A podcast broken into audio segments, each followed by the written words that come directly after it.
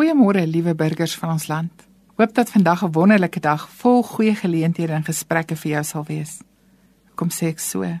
Want almal van ons het iets te sê. Ons wil praat oor baie dinge, maar meer nog, ons wil gehoor word, regtig gehoor word. Miskien het jy vandag 'n lang lys afsprake van plekke waar jy moet uitkom en mense wat jy moet sien. En jou hoop is dat jy suksesvol is in dit wat jy beplan het en waarmee ander jou moet help. Die punt is om met die regte boodskap by die regte persoon uit te kom. Ons weet tog almal hoe frustrerend dit is as jy van bakpoort na stuurboord gestuur word omdat niemand jou skynbaar kan help of antwoord nie. Jy moet altyd aanhou vir nog 'n persoon wat dan ook net die helfte weet of nie die autoriteit besit om iets te verander of te sê nie.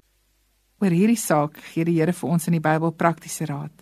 Dwars deur die Nuwe Testament word ons bewus gemaak of aangemoedig om te bid. Dis reg, die woord skree dit amper in hoofletters om elke nuwe bladsy bid. In Kolossense 4 staan daar volhard in die gebed Bid dat God vir ons se deur sal oopmaak vir die geheimenis van die Christus te verkondig. Bid sê, praat tog net met God hier oor geliefdes. Bid is nie net 'n rympie wat jy soggens en saans aframmel met dieselfde geuite woorde nie. Dit mag nie net 'n lewensboei wees waarna jy gryp in tyd van nood nie.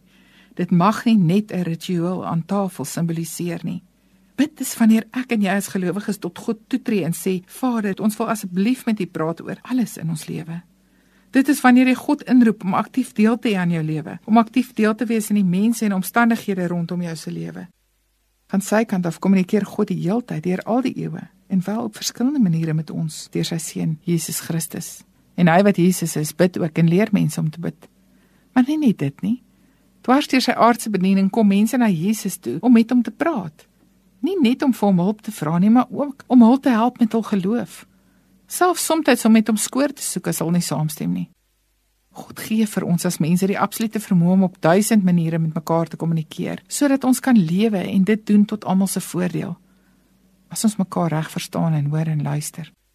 Die Bybel stel voor ons moet gedurig bid, ons moet vir mekaar bid, ons moet bid vir geleenthede om die evangelie van Jesus te verkondig. Ons moet bid vir suiwer verkondiging, vreesloos. Ons moet bid vir God se wysheid en sy woorde wanneer ons omgaan met mense. Sagte woorde van insig bid vir beskerming.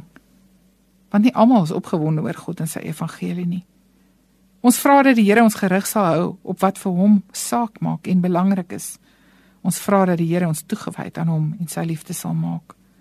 Dit sal ons ook in staat stel om te bid vir mense in leierskapsposisies wat ontvanklik sal wees dat die gees van die Here en sy woord deur hulle sal werk en dat hulle reg sal optree tot voordeel van almal. Daarom bid sonder ophou. Here God vergewe ons asseblief dat ons gans en altemin bid. Here dring ons deur die Gees om heeltyd in gebed en gesprek met U te wees. In U naam. Amen.